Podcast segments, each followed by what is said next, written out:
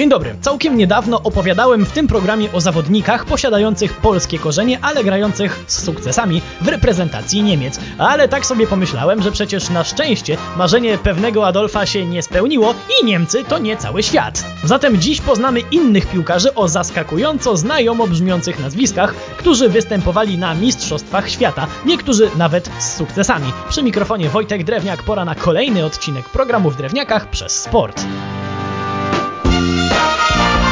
Zacznijmy od tych, którzy może nie odnieśli spektakularnych reprezentacyjnych sukcesów, no ale hej, samo powołanie do reprezentacji już jest wyznacznikiem sporych umiejętności, prawda?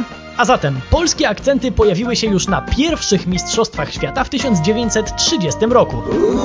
W reprezentacji Rumunii wystąpił pomocnik Ladislau Rafiński. Jak poszło jego drużynie? No tak sobie, bo co prawda z Peru wygrała, ale z Urugwajem, gospodarzem mistrzostw, już sobie nie poradzili i to by było na tyle, jeśli chodzi o ich występy w owym turnieju. Ale polski akcent mamy zauważalny. Kolejnych mistrzostwach we Włoszech barwy reprezentacji USA nosili dumnie Ed Czerkiewicz i Peter Pietras. Ten pierwszy był obrońcą i jakby ktoś był złośliwy, to dodałby jeszcze, że raczej takim sobie, bo Amerykanie dostali od gospodarzy łomot 7 do 1 i mogli zbierać się do domu. Pewnym pocieszeniem może być tutaj jednak fakt, że Włosi grali jak w transie na tym turnieju i zakończyli go jako zwycięzcy. Trzecie mistrzostwa odbyły się we Francji na rok przed II wojną światową, to znaczy wtedy nikt tego nie wiedział tak tylko mówię. W każdym razie znowu wystąpiła tam drużyna Rumunii z jak już wiemy posiadającym polskie korzenie Ladislao Rafińskim, ale teraz miał on kolegę o podobnie polsko brzmiącym nazwisku. Bramki Rumunii dzielnie bronił Rudolf Sadowski,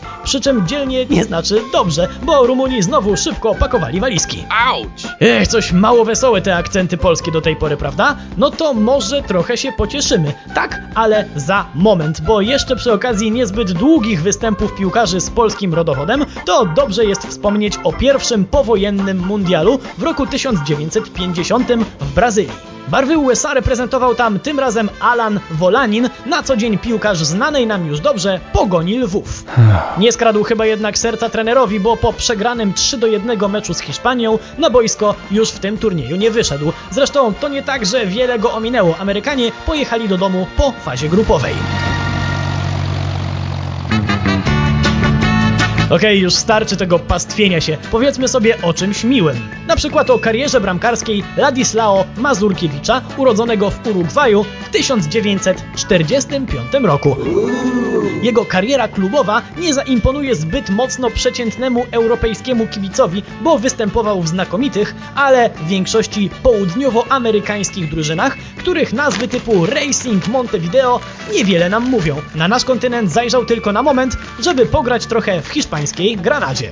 Zdecydowanie mocniej jednak zapisał się w pamięci ludzi jako bramkarz reprezentacyjny, bo ten zawodnik o polskich korzeniach bronił urugwajskiej bramki w aż trzech mistrzostwach. W Anglii w 1966 roku, 4 lata później w Meksyku i jeszcze później, czyli już w 1974 roku w Niemczech Zachodnich. I tu już na szczęście nie ma się czego czepiać, jeśli chodzi o grę pana Mazurkiewicza. W pierwszym turnieju w dużej mierze dzięki jego postawie udało się Urugwajowi wyjść potwornie silnej grupy z Anglią, Francją i Meksykiem, a kto wie, jak poszłoby dalej, gdyby w ćwierćfinale nie trafili na Niemców, którzy zostali wtedy wicemistrzami.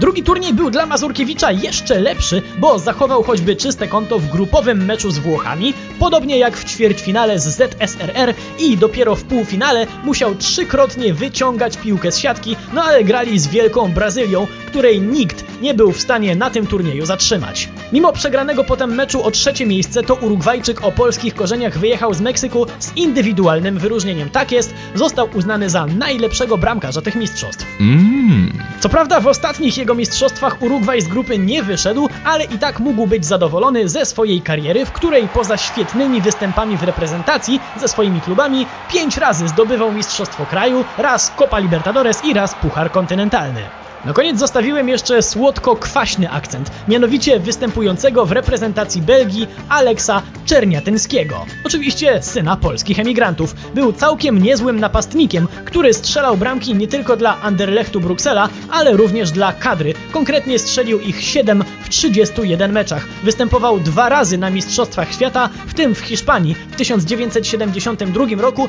gdzie wystąpił między innymi w przegranym meczu, tak jest, z Polską. Przy mikrofonie był Wojtek Drewniak. Do usłyszenia.